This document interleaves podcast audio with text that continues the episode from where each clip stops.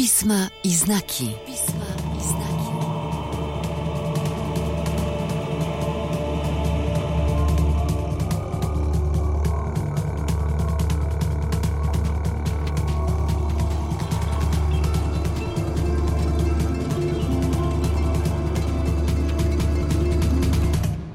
Gościem dzisiejszego spotkania jest pan dr Marek Bosak, filozof z Kolegium Nauk Humanistycznych Uniwersytetu Rzeszowskiego. Dobry wieczór. Dobry wieczór. Skąd wiemy, że to, czego doświadczamy, rzeczywiście istnieje?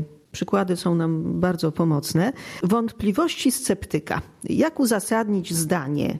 Pada deszcz. Wydaje się to proste, bo widzimy spadające krople wody, ale dla sceptyka to nie jest takie oczywiste. Może zadać pytanie, a skąd wiesz, że widzisz krople wody i że to widzenie mówi ci prawdę o tym, co rzeczywiście jest? Gdyby przyjąć sposób myślenia sceptyka, okazałoby się, że niczego nie możemy być pewni. To jest dość skomplikowany problem istnienia i filozofowie różnie go rozwiązywali. Na przykład dla Platona rzeczywiste istnienie to nie jest istnienie świata materialnego przecież, tylko to jest świat idei abstrakcyjnych, które my możemy doświadczyć tylko przy pomocy rozumu, nie przy pomocy zmysłów.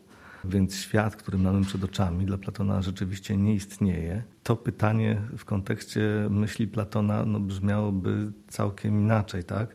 Platon powiedział, że rzeczywiście istnieje świat idei i tylko rozum może nas poinformować o tym, że ten świat istnieje i jaki on jest. Po drugie, e, tu pojawia się problem uzasadnienia. Ja rozumiem, że z kontekstu pytania tu chodzi o takie uzasadnienie absolutne. Czy mogę ponad wszelką wątpliwość e, stwierdzić, że zachodzi jakieś zjawisko? Z absolutnym uzasadnieniem też są problemy. To znaczy myśl filozoficzna praktycznie od y, czasów starożytności, gdzieś od Parmenidesa na przykład, usilnie pracowała nad takimi absolutnymi uzasadnieniami. One pojawiają się i u Platona, u Arystotelesa, i u Kartezjusza, y, u Kanta, u Husserla. Można by stwierdzić, że dotąd spór nie został rozstrzygnięty. Są filozofowie, którzy stwierdzą, że możemy mieć do czynienia z poznaniem absolutnym, ale część z nich, chociaż nie sceptycy, będą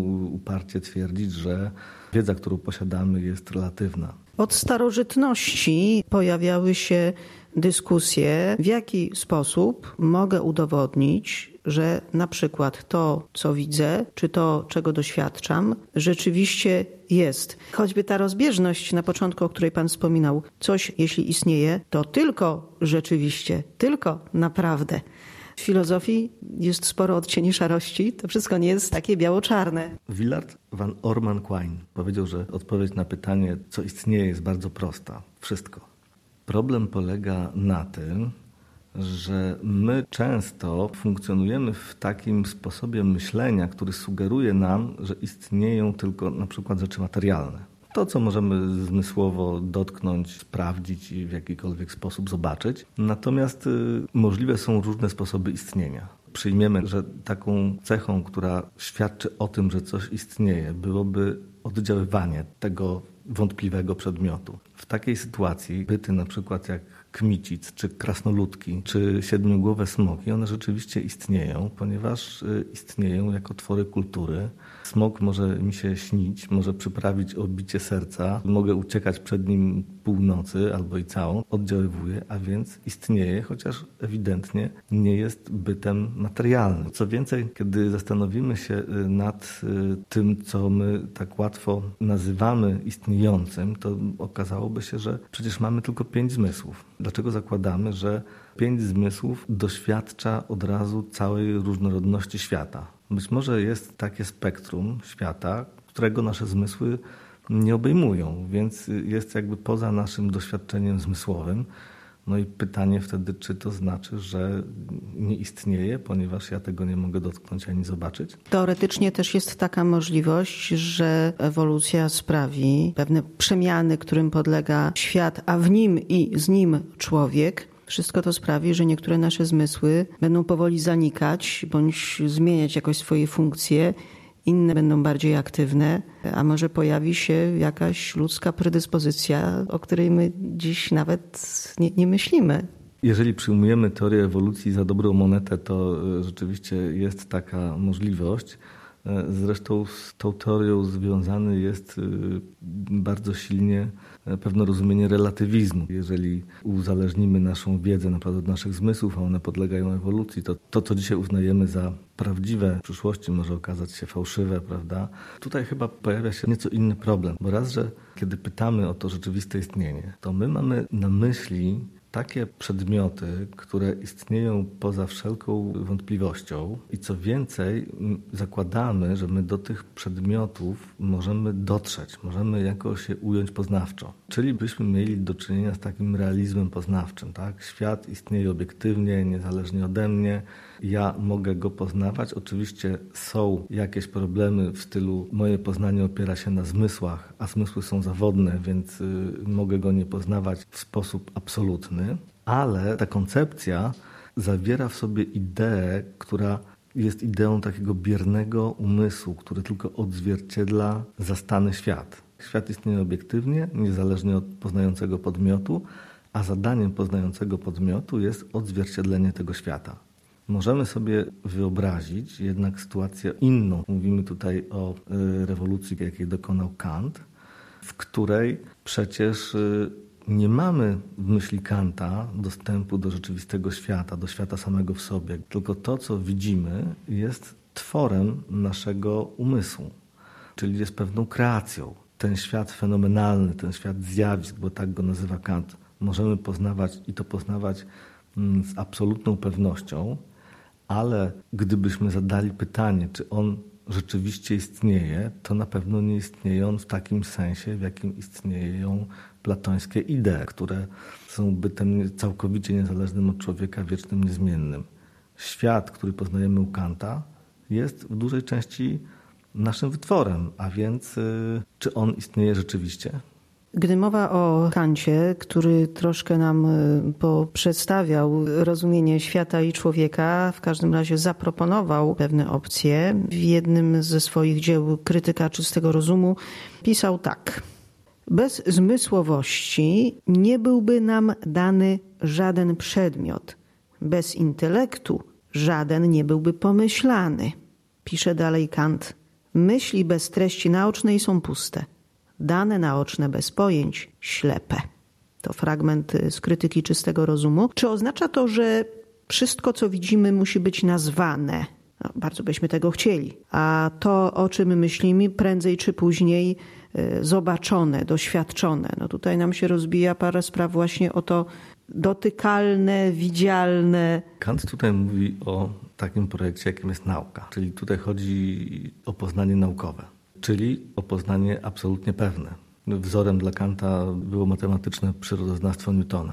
Kiedy Kant mówi, że potrzebna jest synteza, bo to, o to tutaj chodzi, idei czy kategorii intelektu oraz wrażeń, to mówi, że ta synteza jest potrzebna do skonstruowania przedmiotu poznania. Kiedy brakuje któregoś z tych elementów, to mamy do czynienia albo z granicami poznania, jeżeli mamy same pojęcia bez idei, albo w ogóle nie możemy skonstruować takiego przedmiotu poznania, bo wrażenia bez y, kategorii intelektu no, stanowiłyby po prostu chaos. A zatem y, w przypadku Kanta to, czego możemy doświadczyć, jest skorelowane z pojęciami. Oczywiście nie zawsze, chyba nie wszyscy mogą sobie z tego zdawać sprawę. Tak? Nie, nie wszyscy są naukowcami. Nie każdy y, będzie uprawiał poznanie naukowe. Możliwe są inne rodzaje poznania i wtedy sprawa będzie y, wyglądała nieco inaczej. Co z takim złośliwym demonem, który nas łudzi, który nas mami? Y, który może przyczyniać się do tego, że ten świat doświadczany jest inny od tego, który jest. Na przykład tu nawiązanie do Kartezjusza, pokrótce oczywiście, ale nie sposób y, pominąć ten wątek, gdy mowa o pewności, o złudzeniu w filozofii, o sposobach doświadczania świata i uzasadnieniach tego, co przeżywamy. Kartezjusz próbował zbudować wiedzę absolutną i stąd y, założył, że nie może brać za dobrą monetę jakiejkolwiek wiedzy niesprawdzonej. Stąd wynikała jego postawa nieufności, on to nazwał sceptycyzmem metodologicznym czy metodycznym i sądził, że mm, ta nieufność powinna być aż tak daleko posunięta, że nawet mogę założyć taką hipotezę, że istnieje jakiś demon złośliwy, duch złośliwy, Kartezjusz mówi i, naraz, i zarazem najpotężniejszy i przebiegły i wszystkie swoje siły wytężył w tym kierunku, by mnie zwodzić. Tutaj szukał lekarstwa na tak daleko posuniętą niepewność, nieufność. To lekarstwo znalazł w swoim słynnym powiedzeniu wątpię, więc myślę, myślę, więc jestem ono polegało na tym, że mm, to twierdzenie wydało się Kartezjuszowi oczywiste i Kartezjusz sądził, że wszystko, co będzie równie oczywiste jak to twierdzenie, to będzie równie, równie prawdziwe, a więc mamy zdobywamy jakąś miarę, którą możemy mierzyć wiedzę, oceniać jej wartość. Tą miarą jest oczywistość.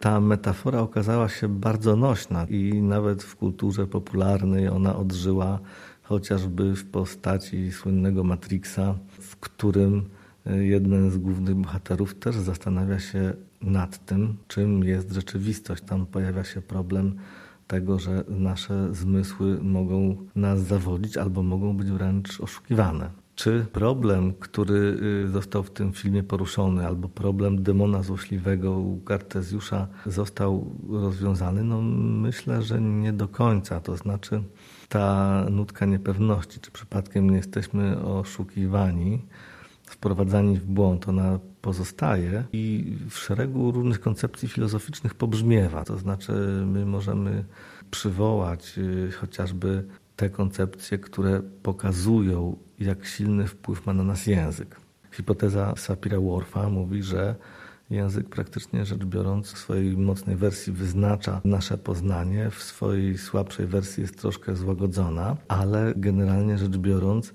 pokazuje nam, jak wielu złudzeniom możemy, możemy ulegać. Sama teza uteoretyzowania obserwacji, która mówiła, że nie wystarczy po prostu patrzeć, żeby widzieć. Zazwyczaj musimy wiedzieć, czego szukamy, musimy mieć jakąś teorię. Bardzo pięknie opisał to zagadnienie Ludwig Fleck w swojej książce o powstaniu i rozwoju faktu naukowego. Z tymi faktami naukowymi nie jest tak prosto, jakby nam się y, wydawało. No ponadto Ludwig Wittgenstein też koncepcją gier językowych pokazał, jak wiele w naszym obrazie świata y, może zależeć od języka, którego używamy. Na przykład księżyc w języku polskim kojarzy się z księciem, czyli z władzą, tak? Książę ktoś drugi po królu, ale w języku łacińskim luna raczej pochodzi od światła. W greckim mei, czyli miesiąc, od mierzenia czasu. A więc nawet używając proste zwroty, proste wyrazy, już nie mówiąc o pojęciach filozoficznych, jesteśmy głęboko zakotwiczeni w jakiejś wizji świata, która ukierunkowuje nasze poznanie pewność i złudzenie w naszym doświadczaniu zjawisk i rzeczy. Dziś o tym rozmawiam z doktorem Markiem Bosakiem, filozofem z Uniwersytetu Rzeszowskiego. W Polskim Radiu Rzeszów słuchają Państwo audycji.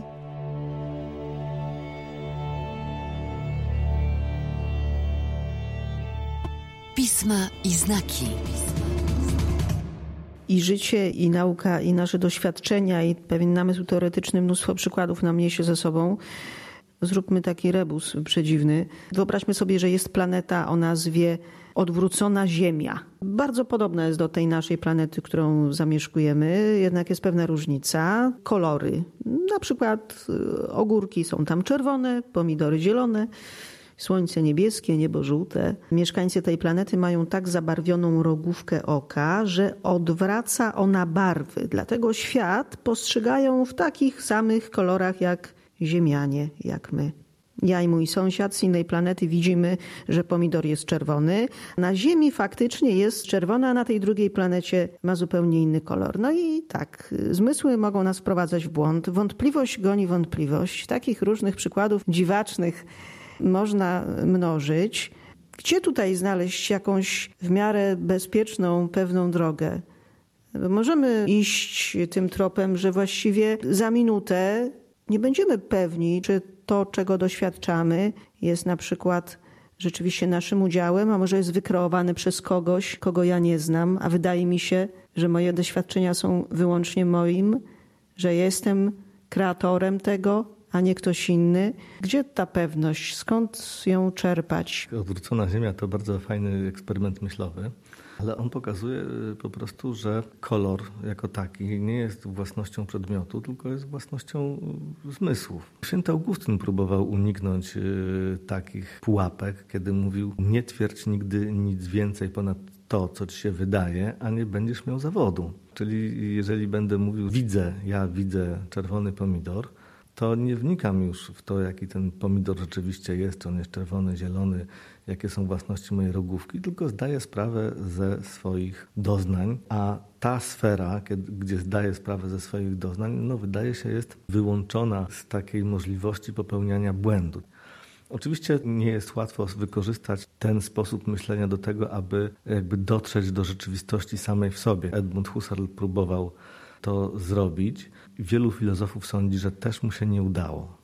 Nie będziemy podpowiadać recept na pewność doświadczeń i, i, pewność tego, za czym się opowiadamy, czego doświadczamy, ale chyba warto podpowiedzieć i zasugerować, że odrobina wątpliwości czy pewnego dystansu wobec tego, co odczuwam, widzę, słyszę, doświadczam. Nie zaszkodzi to nam, nie musi się kończyć katastrofą i przewróceniem naszego świata. Myślę, że zrezygnowanie z takiego naiwnego realizmu wcale nie przynosi żadnej szkody. To znaczy, ja może, mogę sobie zdawać jasną sprawę z tego, że nie wszystkie teorie, albo że w ogóle teorie wcale nie muszą korespondować ze światem samym w sobie, z rzeczywistością. One mogą być po prostu na przykład użyteczne, y, mogą sprawiać, że my w różnych rejonach doświadczenia sprawnie się poruszamy, chociaż y, trudno byłoby dać głowę za ich prawdziwość w takim klasycznym sensie, prawdziwość jako adekwatność. Kiedy spojrzymy y, sobie na historię nauki, kiedy popatrzymy wstecz, to okazuje się na przykład, że było wiele teorii, które fizycznych na przykład, które y, mimo tego, że sprawdzały się w doświadczeniu, suma summarum okazały się fałszywe. I były też takie teorie, które nie sprawdzały się w doświadczeniu długi czas, a później okazywały się prawdziwe. Zresztą no, historia nauki, można powiedzieć, w dużej mierze, jeżeli mamy do czynienia z rozwojem, oznacza, że no, szereg cały y, teorii naukowych jest kwestionowany, uzupełniany, modyfikowany, zmieniany. Zdarzają się od czasu do czasu, jakby powiedział Tomasz Kuhn, rewolucje naukowe. A więc y, chyba warto by pozostać przy takim stwierdzeniu, że ta pewność, bo tutaj często mówimy o pewności, pewność jest kategorią psychologiczną. My się dobrze czujemy, jak jesteśmy czegoś pewni. Nauka y, pomaga nam często y, tą pewność zdobyć, czuć się w tym y, świecie oswojonym. No bo przecież naukowcy pracują, wskazują nam, jak działa świat, a nawet wszechświat, jak te procesy się wszystkie dzieją, ale nauczeni doświadczeniem powinniśmy wiedzieć, że mm, ta pewność jest ulotna, że, że my możemy zawędrować w takie rejony doświadczenia, które zburzą nas dotychczasowy obraz świata, co do którego jesteśmy pewni. Mnie urzekła historia Alberta Einsteina. Wyszła książka zatytułowana 100 autorów przeciwko Einsteinowi, czyli ta teoria względności była na tyle rewolucyjna, że wielu fizyków nie chciało się zgodzić. Natomiast Einstein miał skwitować tą książkę jednym krótkim zdaniem. Mówi, powiedział, że wystarczyłby jeden, gdyby miał rację. I z tym Państwa zostawiamy. Dziś e, o pewności i złudzeniu w filozofii rozmawialiśmy. Gościem programu był pan dr Marek Bosak, filozof z Kolegium Nauk Humanistycznych Uniwersytetu Rzeszowskiego. Bardzo dziękuję. Dziękuję bardzo.